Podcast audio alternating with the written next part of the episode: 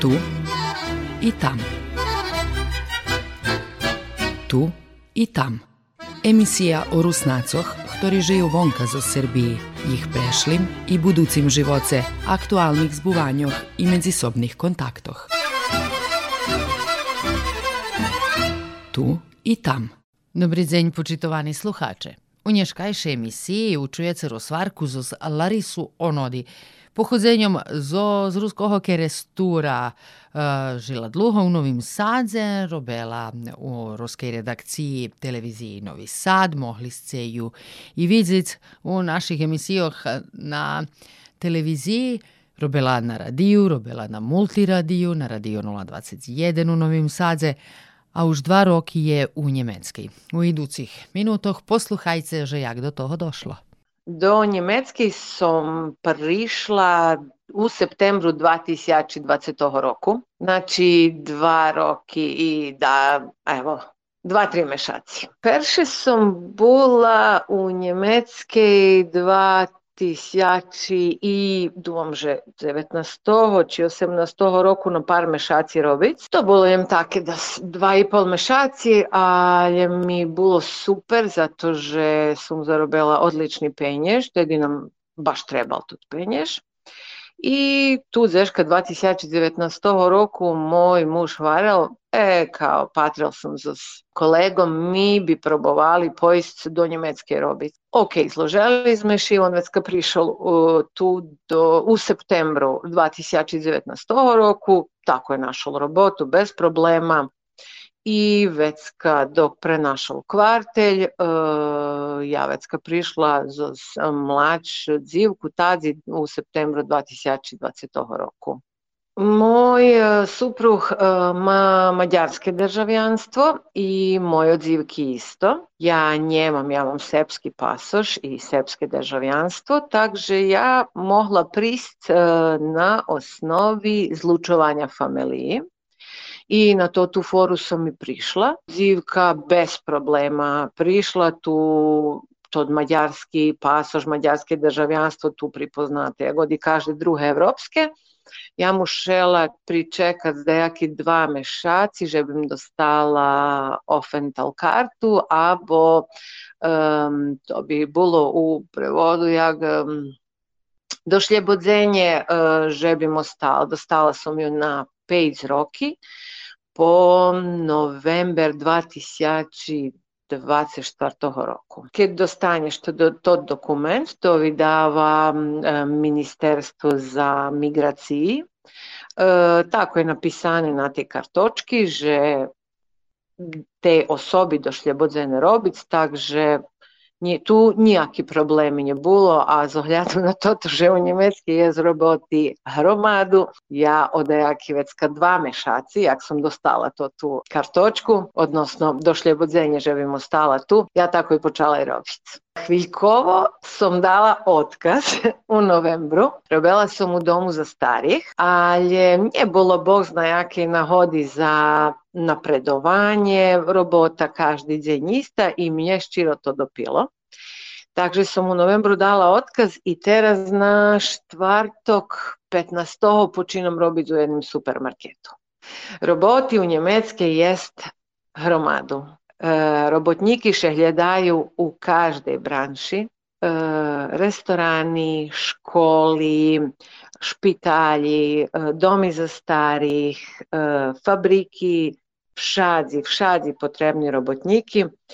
Toto, co jak da povem, jedno z važnih, jeden z važnih uslovijok to znanje njemeckoga jazika. Nie musi biti perfektne, ali zažljem človek musi znati njemecki jazik, že bi mohol uh, počet zrobic uh, i normalno, že bi mohol komunikovati s kolegami, s šefom, prosto bez znanja jazika ipak dakuš češko. Hviljkovo sme u pokrajini Baden-Württemberg, Horočevola Švebiš Gmint, pine jedno stare, stare mesto, e, dumam, že nastalo dakle pred tisjač rokami, išče všema to ti uh, veljki turni i uh, to ti veljki muriskas, kotrima bol uh, da kedi opasani, tot stari tu horod. Moj človek jednostavno tu našel ohlaški za robotu, prijavil to ti robotodavatelje hvareli, ok, hibaj tadzi, pomohnjeme ci najst kvartelj, takže preto prišel tadzi i to je to. On teraz voži kamion. Co se dotika znanja jazika, ja tu počala hoditi do školi i zakončila sam B1 u roven njemeckoho jazika i integracijni kurs. To dost važno za osobi kotri pridu do Njemecke, že bi to integracijni kurs zakončili, dostali paper, tiž od ministerstva za imigraciji. Pretože z ostim paperom i zo znanjem njemeckoho jazika osoba vecka može posle 8, ajde teraz budze ponovim, posle 5 rokoh aplikovati za dostavanje njemeckoho državljanstva. Dzivka zakončala dva roki integracijne školi. U tej školi najveće učili njemecki jazik, mali matematiku, etiku, anglijski, i išće da skeljo predmeti e, i teraz še rihta narok upisac e, koleđ za dizajn, za grafični dizajn mamy tu našim mesce, takže teraz rihta to ti risunki, budze konkurovac najar i nas da še že u septembru počne hodzic e, na tot koleđ. E, starša dzilka nje mala zeku pristo z nami, ona i dalje žije u Novim Sadze. Ona bula pet roki u mađarski gimnaziji u Budapeštu i već kad posle toga horela ja te razbudzem u Novim Sadze, tu mi fino, tu mam prijatelja, ona bula sam še u inožemstvu. E teraz, ja dumam že odajaki čas i ona požada prist. Holjam dakus za počato gunam. Ja se čustvujem šljebodno. To mi perši u pečatu, od kedi sam prišla. Šljebodno mm, nie znam preco, ale opuszczeno i šljebodno. Pretože môže byť, že tu net to ti každodňovo problémy, ako co sme mali dok sme boli v Novim Sadze, že e, nikde nemaš dosť penježi za to ti každodňovo stvari, za rahunki. Potim e, to ta 30-ročna tenzija, to ti pozarjadovo stani, vojni, inflaciji, bombardovanja, všetko toto, co sme prežili. Tu jednostavno mirno, až i prebarz mirno. Maš robotu, maš e, dzebivac, e, maš ljevodu, možeš putovac, to bar zvažne, nje, nje ohraničeniši, jednostavno šo, čustvujem šljebodno. Povedzme to naš varoš, to jeden mali varoš, 65 tisuća osobi, otprilike žije u njim. Ja dumam, že već jak polovka žiteljoh tu, e, nje Njemci. Znači kompletni Balkan. Srbija, Bosna, Hercegovina, Makedonija, Rumunija, mamy ľudzoch zo Iranu, Afganistanu, Libanu, e, mamy ľudzoch z Afriki. Ja mala u svojej klasi, nas bilo prek 20 u klasi u kojoj sme učili njemecki jazik. Bila sjajna ekipa. Ľudzoch zo všetkých žemoch i zo všetkých kontinentoch, ale sme še super druželi. Potim, co še dotika šljebodi, um, tu povedzme, na ulički še šljebodno šejtaju dvome chlopi або dva ženi trimaju se za ruki i njih to im ne pravi problem, nikomu to ne zavadza. Хлопі облякають щось, ціпели за запитку. Абсолютно нікому то не прави проблем, нікому не завадза, нікому не приходить на розум, щоб їм доруцовали або дацо, дацо інше поробив, що ще случує у, повезме, у Сербії. Так же я думам, що я ще тут чувствуєм шлібодно.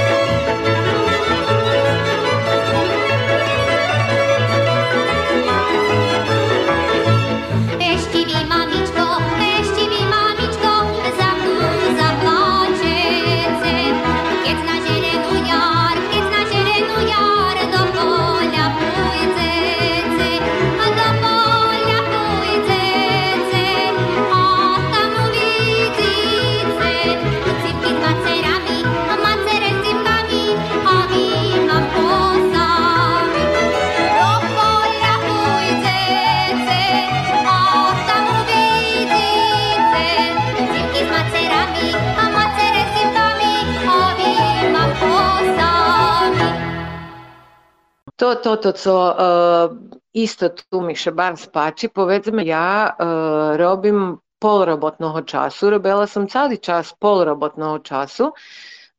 До поладня сам робила, а по поладню сам йшла до школи. І тото, co powiedzmy uczujesz od wszystkich Niemców tu, z którymi sam робила. Im e, nie ważne, żeby robili 8, 10, 12 albo 15 godzin na dzień, Im ważne, żeby im ostalo czasu za familiju, za druženje, a vikendi i šveta im okreme važni, żeby nie robili i żeby mali čas za sebe, za putovanja, za druženje i za familiju. Ja robim polrobotného času i znova budem robiť polrobotného času, to ta moja polovka pláci i supruhova pláca nam već je jak dostatočni za normalni život tu. Planujem i dalje robiť polrobotného času, pretože planujem uh, u iducim roku predlužiť školovanje. Išće ljepše naučiti njemecki i potim upisati u školu dalje, uh, pretože tu bar schibjašitski profili, e, bi nje bilo podlo, kad bi im zakončila dajaku školu, dvoročnu alebo troročnu, s kotru bi mogla najst super robotu. Ja pripovedala z ljudmi z, z um, arbejdsamt to, jak mi to govorimo, SIZ, nacionalna služba za uh, obezpečovanje roboti. I oni predložili, že by bolo super, um, keď by povedzme zakončila školu za dajaký, nemož povesť IT, ale digitalizáciu uh, otprilike robota na rachunkáru, pretože tu isto dosť chyby a um, okrem im treba ľudzov za digitalizáciu. Uh, takže pýtala som im, ja bola u čudu. Ja im še pýtala, vám to OK? Ja mám 50, ja budem mať 50 roky na rok. Vám to OK da ja idem do školy? Oni patrali na mňa i bolo im baš čudno. Normalno, čom, preco? Ja hovorím, a u Srbiji, keď uh, žena má povedzme 35-40 roky, njih to nie chce ani bešedovať zo nju, jaka škola, nie chce jej ani robotu ponúknuť, oni hovorili, že tu celkom normalne, ljudi še možu školovati, oni to až i potrimuju, že bi še ljudi školovali, nahodili sebe normalni roboti, takže i to ci dava jednu ehm, fajtu opuštenosti i, i jak da povem. Ehm, maš čustvo, že stvarno država vodi rahunka o svojih raždanoh.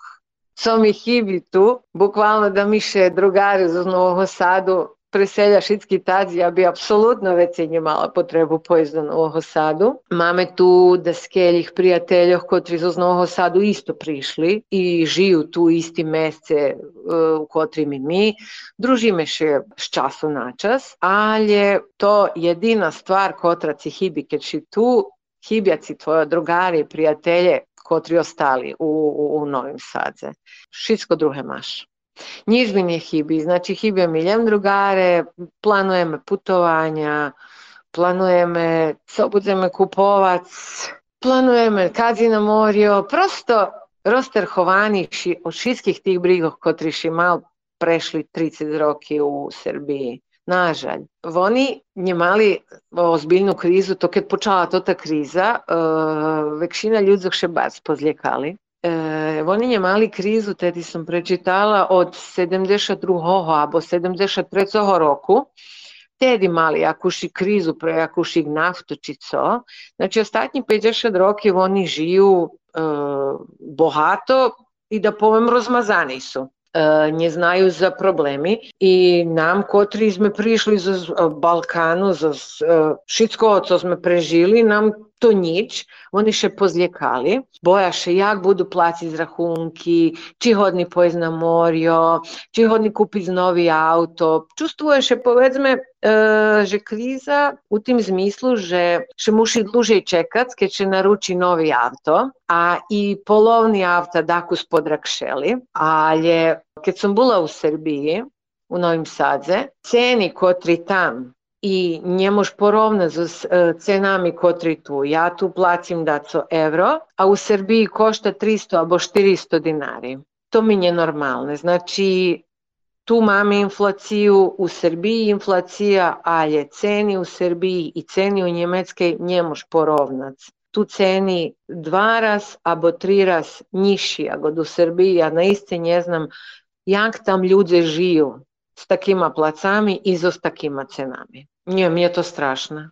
Znači tu e, toto co ja nakupujem za 30 evra, ja u Srbiji bi vinjesla u jednim meščku pejs stvari. Tu si do šljebodzena marža od 15 do 20 odsto, u Srbiji od 50 po 200 odsto. To jednostavno do šljebodzene trgovcom, že bi taki marži kladli i zarabjali, nenormalno, da vam to nenormalna stvar. Vino, kvicene máme tu u centru normalno uh, Vajnaksmarkt, uh, božićni vašar i toto, a varja vino, predavaju kolači, to ti su još merdzaci bili kolbasi, bo. Dumam, od, od kedi sam tu, nje možem, nje možem jez mesa uopšte grozno, oni mesoždere, ali tu mašteljo željenjavi, ovoci, to ti uh, šitski fajti biljnih mlijekoh i šitskoho i to uopšte nje drahe.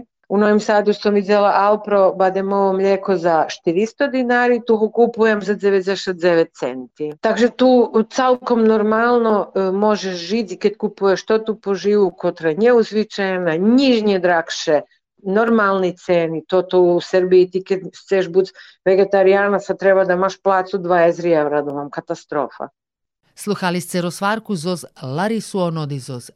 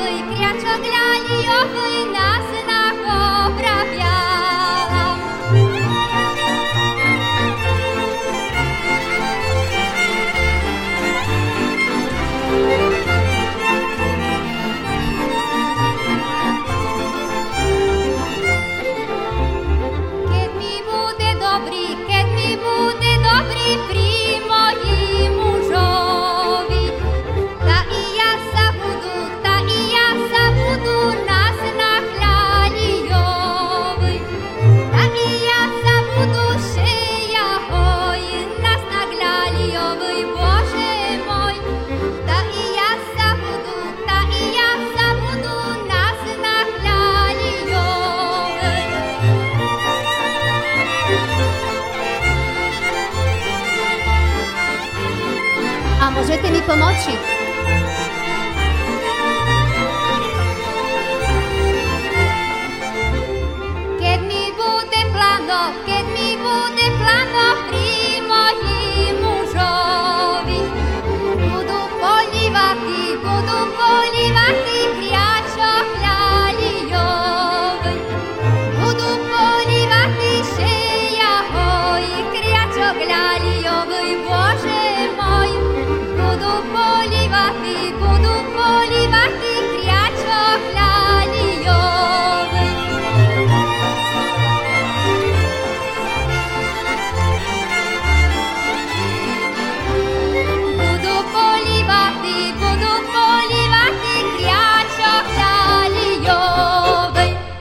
Teraz posluchajte prilog pripominka, kotri dostavame u Čeranki zoz internet radijom Rusin FM.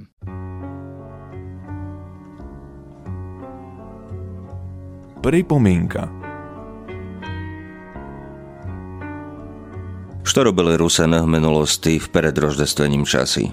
Napríklad i taká priatka. Ku dnešní témy sme sobi pomohli s knižkou História Ruseniev na spiešu, ktorá vyšla u 2020 roci.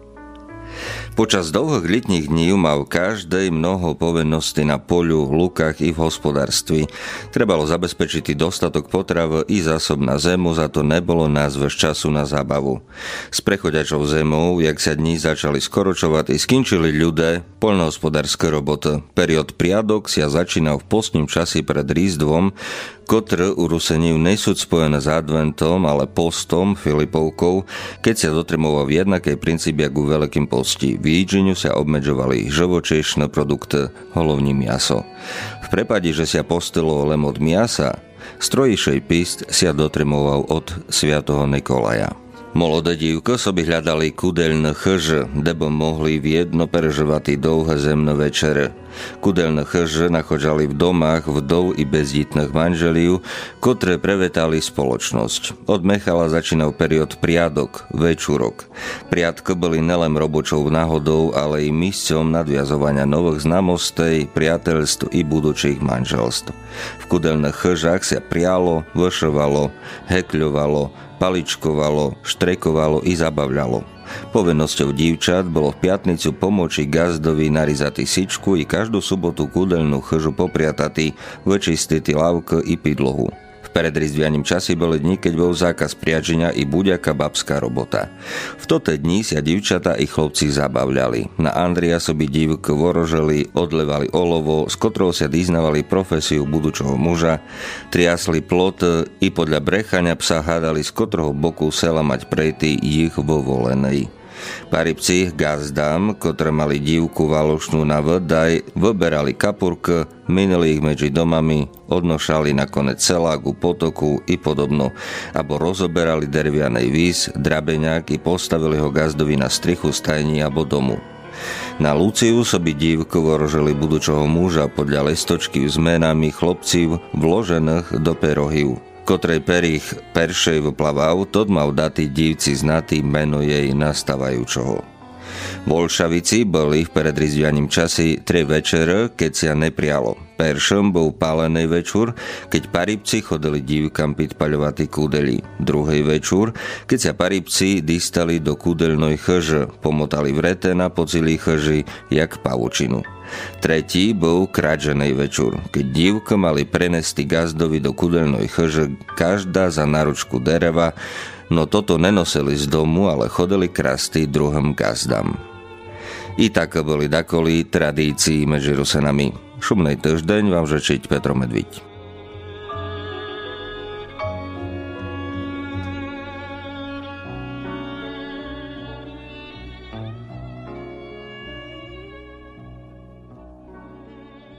prej.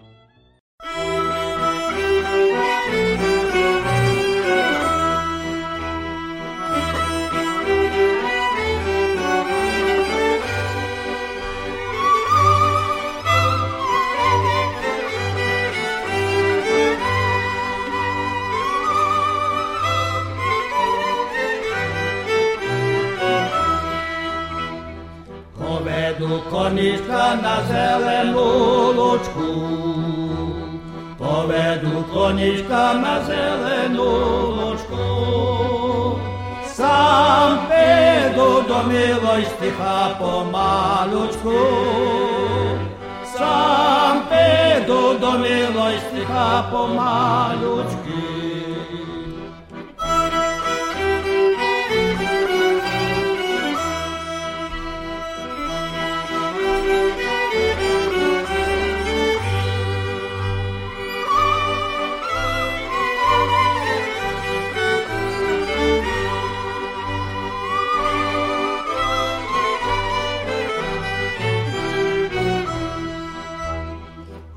Часи zaśpiewam na branym konieczku. Jak ja coś zaśpiewam na branym konieczku.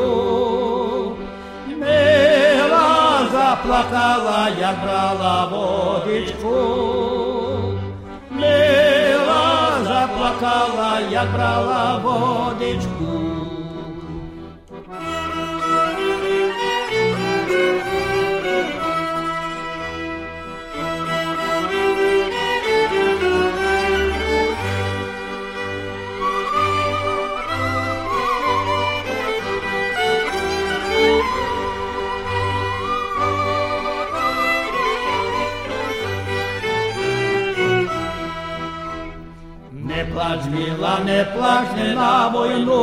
Войну іду. Не плач, мила, не плач, не на війну іду. Вину хто де заплаче, як до тями прийду. Вину хто де заплачеш, як до тями прийду.